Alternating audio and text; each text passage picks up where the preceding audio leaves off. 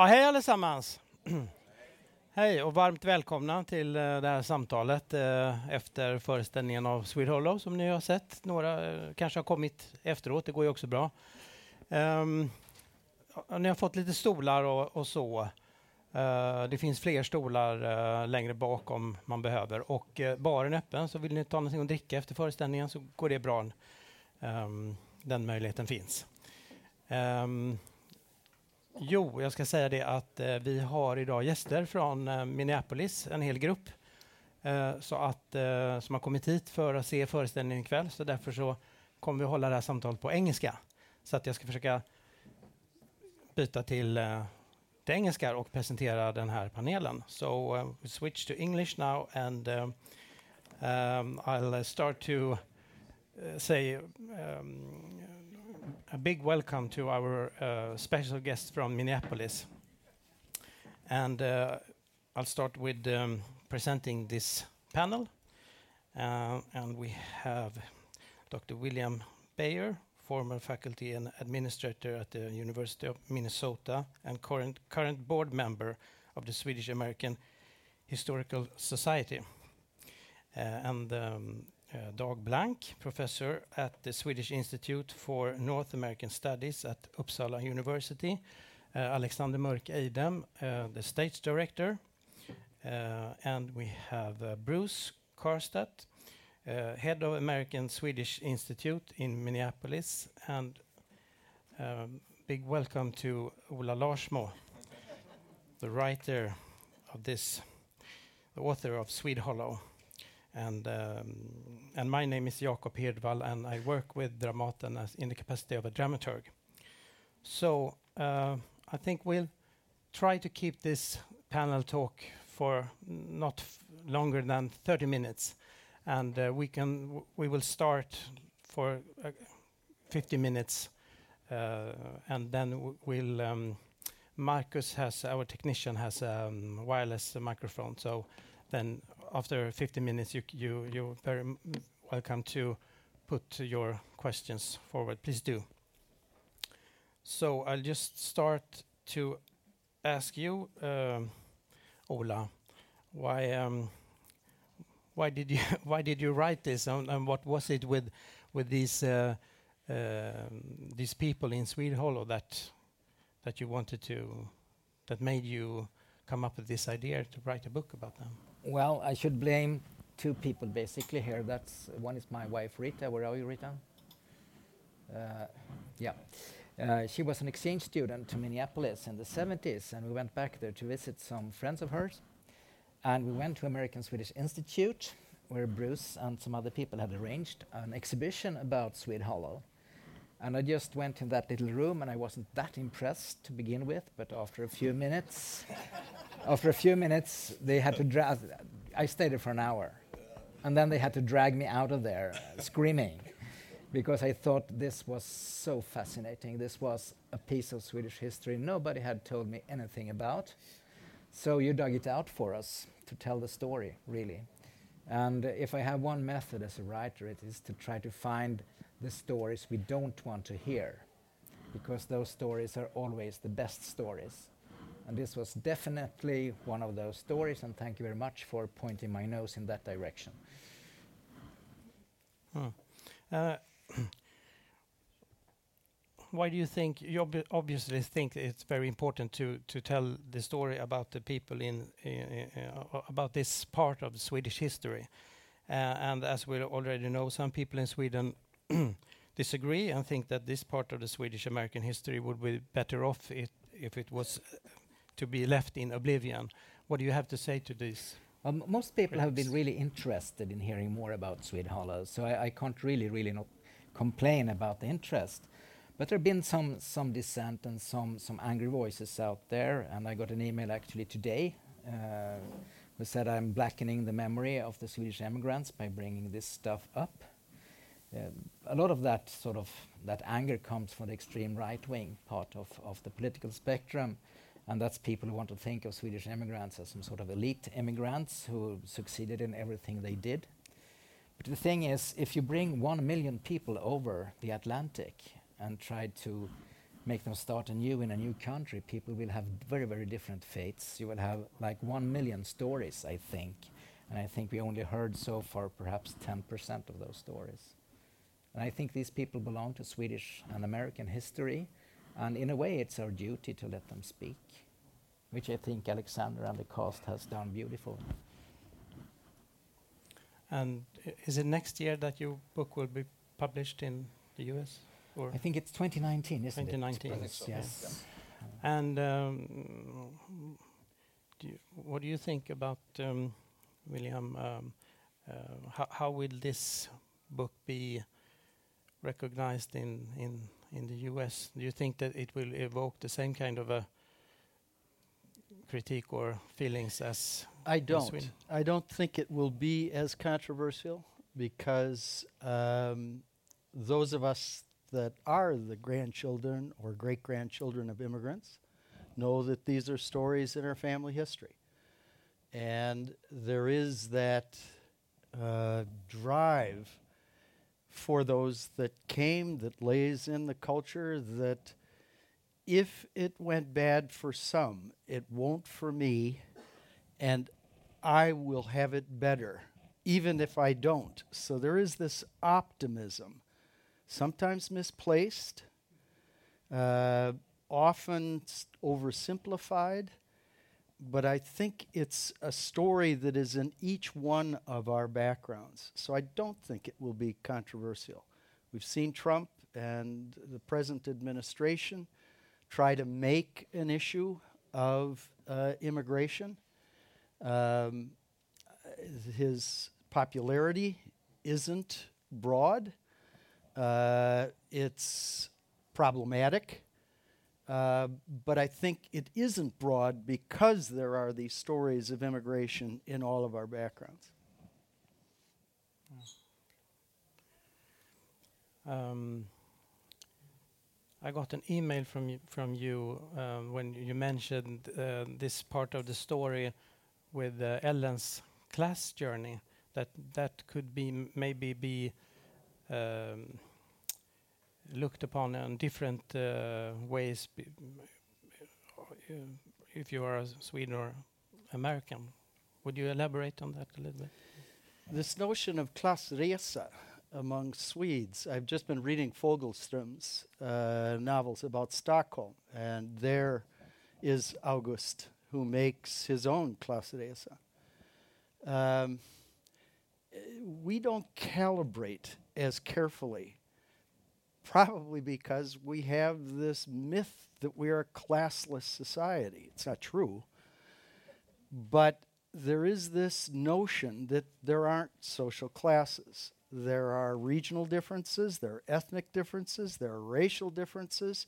That's where the distinctions go. But along class, and again, I'll talk about Trump, uh, we have a classless president right now. He's only rich. And that somehow makes him appealing to those forces in the United States that would deny that uh, there is a certain graciousness with education, there's a certain authority with scientific research. Um, that's a darker side of the American experience this whole notion of klassresa is, I don't think, a problem for us. Well, I wanted to ask you, Dag, um, uh, how do you see Swedish immigrants in? How do we see Swedish immigrants in, in, in Sweden and in the U.S.? Are they are there any differences, and if so, what kind of differences? big differences. I speak here, I guess, as the historian. This is my academic field of inquiry, uh, Swedish migration history to the to United States. And I think there are very large differences how uh, Americans, and perhaps in particular Swedish Americans, view Swedish American history, and how Swedes in Sweden, Swede Swedes, view Swedish American history. And I think that can be seen throughout uh, the 20th century when academic historians began writing about Swedish immigration on both sides of the Atlantic, I think it can be seen in um, the literary expressions that we have. We have now two wonderful Swedish authors who each written, in one case, four novels, and in one case, so far, one novel about the Swedish American experience.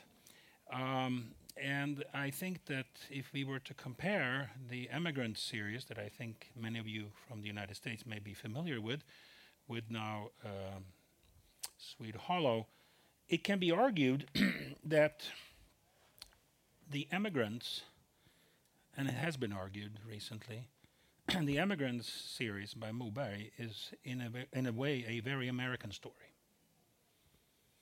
It is, if you look at the reception of it in the United States when it was translated, and it was translated quite quickly, and at least the first two volumes became bestsellers, uh, it was received not particularly as a Swedish story. It was not seen as part of Swedish history. It's the archetypal American story. Karl Oskar is the pioneer who breaks land and uh, contributes to the new republic. If he is Swedish or German or from New England or wherever he's from, it's not so important. He's the true American. So it's a very American story. And that is why it was very attractive, I think, to American publishers. Vilhelm Moberg then came to the publisher, I think it was Simon and Schuster in New York, and said, "Well, I have a number of other uh, novels too. Uh, Raskens, Natt. Would you? No, not so interested. Uh, they were interested in the emigrants and the immigrants and onto a new, new land because it was such an American story. As I was watching this wonderful performance tonight and the rendition on the stage of Swede Hollow and thinking of the novel and of this uh, performance, I was thinking that this may be a very Swedish story. I was I was thinking to myself how Ameri- where is the Americanness of it and where's the Swedishness of it, and I was thinking of Moberg, where's the Swedishness and where's the Americanness of it, and perhaps this is also a very Swedish story. It is interesting that the two big literary renditions of Swedish immig- immigration history have been written by Swedish authors, national Swedish authors, by Vilhelm Moberg and now Ola Larsmo that suggests the enduring significance of the migration in Sweden. Swedes are very, still very touched by it. That's, that's why it's being performed at the national scene here, right in Stockholm. and that's why there is a continuing interest in the migration in Sweden. From an American perspective, there is much, as you suggest, a much lesser interest in, in the migration there is regional interest. Those of you from Minnesota are very much aware of it. Those who come from areas in the Pacific Northwest where there were many immigrants and so forth, there's an awareness there. But from a more general American perspective, ah, it's it's it's it's some it's not as significant as it is for Sweden, obviously. So it's important to keep these two perspectives in mind. That to us here in Sweden, this is the national story in a way. At the turn of the century, uh, now uh, 2000, there were all these lists, you know, the, the best book of the 20th century, the best film of the 20th century. And there were several uh, votes were taken in Sweden of, among readers, which is the best novel of the 20th century in Sweden. And it was the Emigrant series that won, by then 50 years old. that does suggest the enduring significance of this theme in Sweden and it, but so there are two perspectives here. I think they're important to keep in mind. And and uh, if you think of the Norwegian American novel about Norwegian immigrants, Giants in the Earth by Ro- Ola Rølvaag, that was written in America by Rølvaag, an immigrant, but nevertheless by then an American. So that that's an interesting observation. I think. So keep those two perspectives in mind. Yeah. And you, you also you mentioned once that the Swedish immigrants in the U.S. over time became more part of what you called white privilege. Could you tell us? Well, yes, that's another observation that you can make in general about, I think, Swedish immigration history. That, and it comes out very nicely in the novel and in the play, that Swedish immigrants, as they come to the United States, do not live in isolation. They immediately become a part of a country which is characterized by ethnic and racial diversity. And they become a part of what one can call the ethno racial hierarchies in the United States. Like it or not, that, that's what happens. And we hear references, the Irish here and Italians are coming in, and the kind of interaction that goes on. And if you examine the position of Swedes in the American ethno racial hierarchies, you can say that. Um, by and large, they occupied and very quickly came to occupy, and we can see that partly in the novel and in the play, and certainly today also, a privileged position. Uh, partly because of race. I would argue in Minnesota, perhaps also because of religion. And uh, in that sense, the Swedes uh, make their way to the top uh, in a way. And I think that's an important uh, observation. There are, of course, as Ola suggests, as many stories as there are individual immigrants. But if you look at the larger perspective, where do the Swedes fit in, so, so to speak? Uh, I think they they they uh, fit in on uh, certainly on the, the upper or the white side, so to speak. The whiteness of the Swedes is a very interesting subject to discuss, and, and, and that plays a role in in how they. Um, find a place in, in, in American society. That you always have to look at it. Uh, you cannot look at the groups in isolation. Then it becomes ultimately rather uninteresting. You always have to see this larger context in which they operate and exist. Ola, would you like to comment? Just a quick comment. Dag and I are, are discussing this continuously all the time. But uh, I think you pointed out to me, and Rudolf Coley does in that anthology you edited uh, some years ago, that this bracket, sort of the whiteness bracket that the Swedes occupy, uh, comes after a while in the 1890s with the idea of the Vikings and so on. I think that's one, one of your arguments actually. But uh, you can also see a lot of traces about the prejudice against Swedish immigrants that also take shape in the 1880s and so on.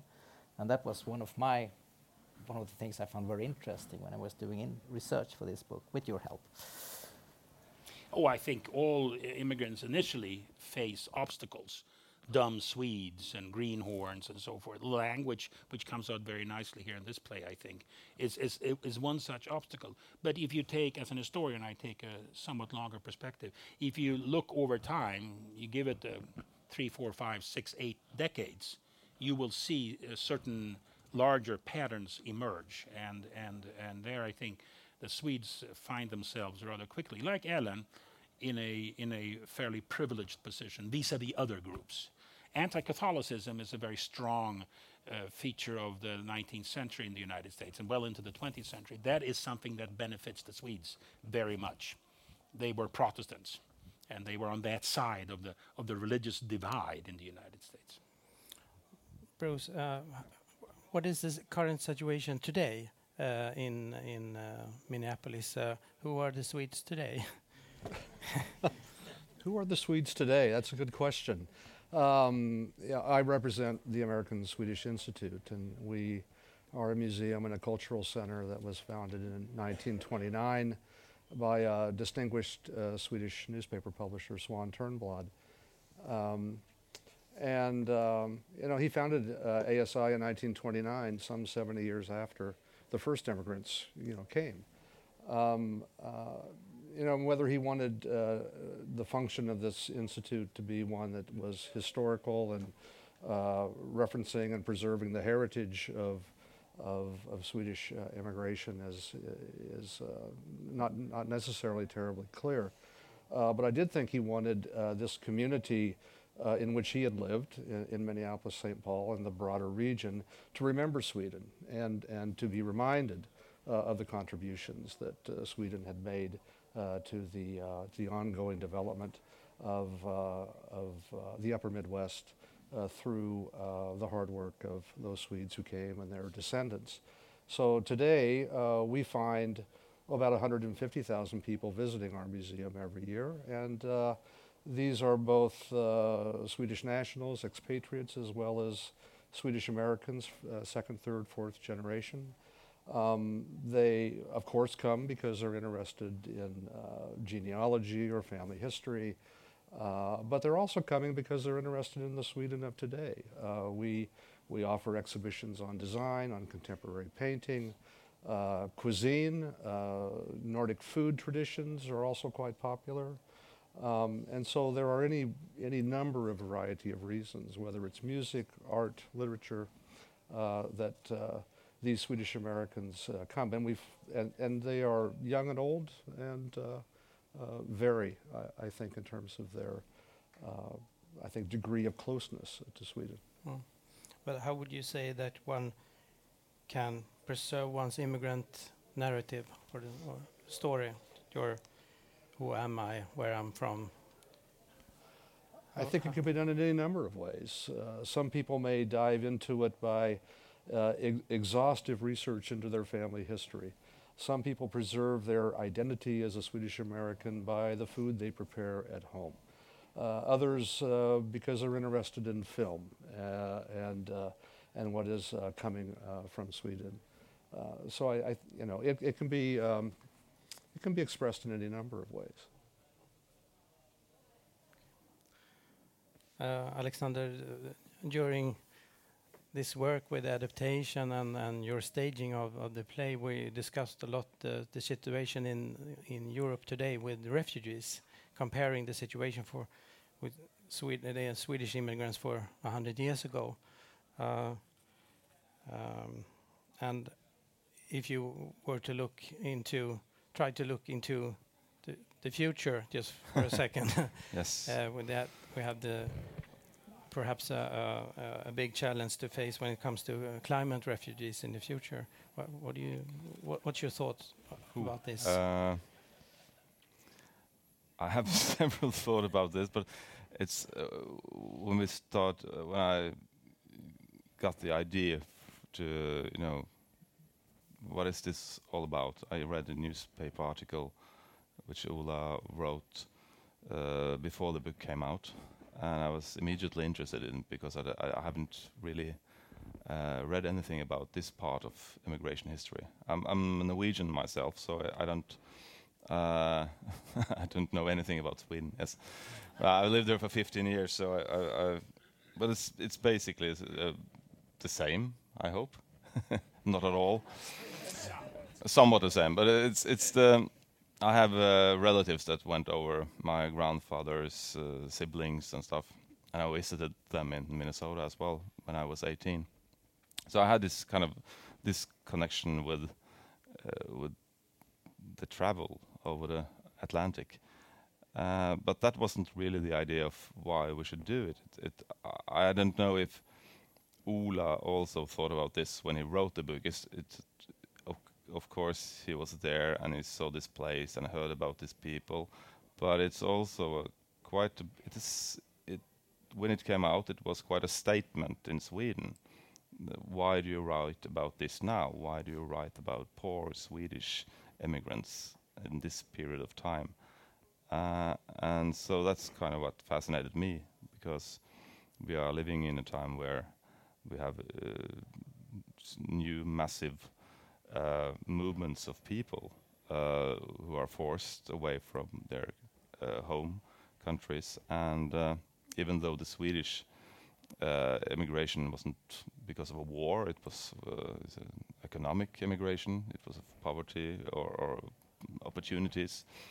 And but I, I kind of saw some parallels how we how we now uh, has to want to doesn't want to receive people here. So it was a only a kind of a, th a thought about you should be a bit humble when you look at the larger picture. It's just 100 years ago since we sent oh, one million people left from this place to another place, and now people are trying to come here. Uh, just a reminder. I don't really want to make a political message what you should do or what you should think or what you should vote. It's more about just remember this has happened and it is happening now and it will happen again. Uh, just remember that before you really say something stupid. yeah. So, uh, Marcus, could we have this microphone and um, yeah, the bo both. Please, th there was uh, one question. In the context of the last statement, the um, uh, I've been interested in the phenomenon that the economy is vastly different, sno- different now, 100 years after that experience. That those immigrants could indeed find work on the railroads. Those immigrants could indeed find work in the in the forests of Minnesota. Uh, but uh, today we have in Minnesota a lot of uh, Somali immigrants, for instance, as do you, uh, and the work opportunities for them uh, with limited education are very severely limited. And so it seems to me, and I raise the question to any of you with respect to the, Swedish, the Swedish experience, it seems to me that we need to watch out that we shouldn't make too facile uh, comparisons between uh, this happened 100 years ago and it's going to happen again.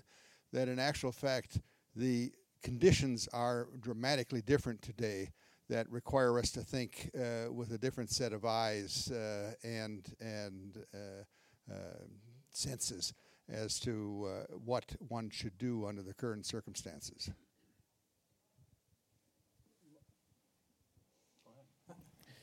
Um, two thoughts. One, uh, the Somali immigration to Minnesota uh, resembles the Somali immigration to uh, Sweden. Um, Benny Carlson at the University of Lund has studied both, and the people coming are similar in both of those movements.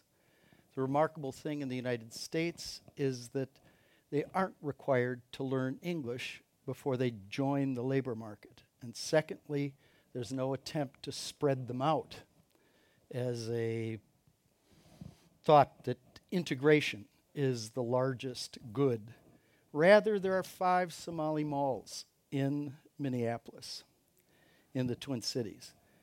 And those malls are economic engines, and they create uh, value and economies that now are energizing other economies in the state. They're doing meat packing that people won't do. They're doing services that people won't do. Uh, and they're able to do it because they have the family support and they make accommodations economically to survive.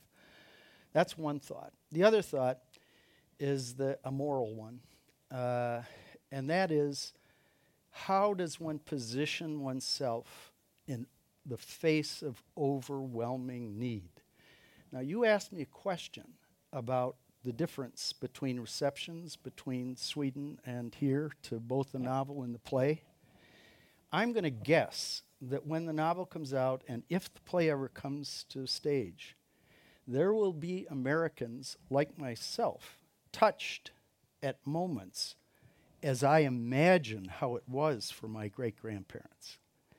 And I imagine the disorientation and the family strength that brought the possibility for me to take a, sickle, a, a bicycle ride, maybe, through Chicago, where they landed, and make the same kind of, of gesture. Um, I think there's two points that, that I would ask be considered in this, this connection? Yes, uh, this is a very interesting question. I think um, there, I agree with you that there are some uh, general similarities here. Migration is a very powerful theme in human history. There's always been migration. Then different states try to limit migration, either leaving or entering, and we see a lot of that. But migration as, as, as such is a very powerful force, and I think we see some parallels what's going on today and what went on in the 19th century and earlier as well. Very important to recognize that historical context. Point number one. And the second point is that it's also important to recognize the differences here. Car, um, the Clark family and or, and or Karl Oskar and Kristina, they were admitted to the United States. They came in. Many of the migrants coming to Europe today are drowning in the Mediterranean. It's a very, very big difference there. So um, the United States wanted slash needed immigrants in the 19th century. Was, they became a very important part of the economic development of the country. It was expanding westwards. That's why the land was available for Karl Oskar, and that's why there is, after a while, some economic opportunity in the Twin Cities. That is not the situation necessarily in Sweden or in Europe today. In fact, the message is keep them out, right? So that's uh, a very big difference, I think. And sometimes I think um, we uh, we want to understand the current migration patterns and we want to remind ourselves we too were immigrants, we too were refugees. And yes, there are some parallels, and your book so beautifully brings them out.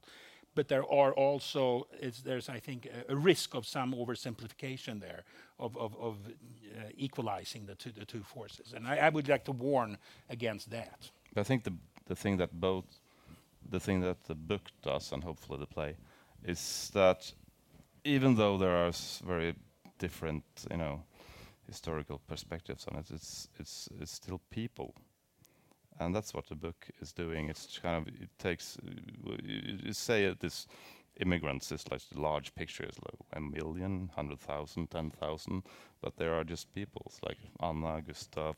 So we kind of can connect with some people who has a different. Uh, destiny, or what you call, than we have, and can relate to them and kind of ident identify with them in uh, in a way that I, I, guess that's kind of the the humbleness I mean, that you shouldn't really just, just describe them as a as a crowd or as a big, just a number, uh, because then it's a bit more easy to just do like that. Uh, but I know there's very different. But uh, yeah. Ola, just a very quick comment on that. Uh, you pointed out one of the dissimilarities, the fact that Europe is not welcoming immigrants at the moment, whereas the States did that in the 19th century.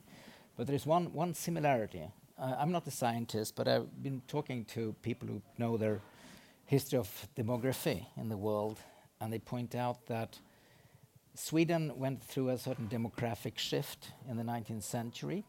We had schooling, we had some basic uh, medical knowledge and so on, and that resulted in uh, growth in population. Uh, that slumped after a while, but lots of countries in the world, notably Africa, is going through the same development today. So you have a demographic surplus of people that really, really has to go somewhere to make a new living we could sort of use the states to solve that problem. They can't. So, as you pointed out, there are dissimilarities, but there are also similarities. And at the same time, Europe is experiencing a, a, population crisis. Yeah, that's right. The populations of Europe are not growing enough. Some countries, for example, Italy, is actually experiencing a, an actual drop in actual numbers. And European countries desperately need people. Either more children to be born, that doesn't seem to happen everywhere. But then, and the other option is immigrants, and, and at the same time, we're trying to keep them out. So there, you're exactly right. That demographic transition that Europe went through in the 18th and 19th century is now happening elsewhere in the world. It's repeating itself. Yes. Yes, absolutely. So, would you have any, any more questions from or thoughts from the audience? Yeah. Here you go. I just, uh, this is for Bruce Karstedt. Bruce, I wonder if you could just talk about how you see the future of ASI, given the immigrant situation that we have. Sorry to put you on the spot. Uh, that's great. Uh, it's a very um, well. It's a, it is an interesting question. Um, you know, will there continue to be an interest in Swedish American ethnicity uh, that has formed the, the basis of support and engagement uh, in, in, our work, and I think that there will. It, it's just going to change uh, in terms of uh, areas of interest as it has over the last 80 some years of our uh, existence. Uh, what I find uh, that creates a, a, certain level of energy in our work is understanding that the, the immigrant experience of, of Swedes who came to, to Minnesota that that sort of energize those who are uh, in our audience. Uh, we also find that in comparing ourselves and contrasting ourselves and, and, and, and uh, understanding that experience in, in comparison with uh, uh, new arrival immigrant communities, the Somalis, uh, Mexican Americans that, that live and reside in, in Minneapolis. And much of our work, and I think it will grow, is in um, these kinds of cross-cultural comparisons and uh, providing programs that uh, help uh, us understand the the uh, uh, the lives of present-day immigrants, new immigrant arrivals in Minneapolis, and, to, and and for that to be informed by a better perspective on the experience of our own experiences of our own descendants and ancestors. So, um. Yeah.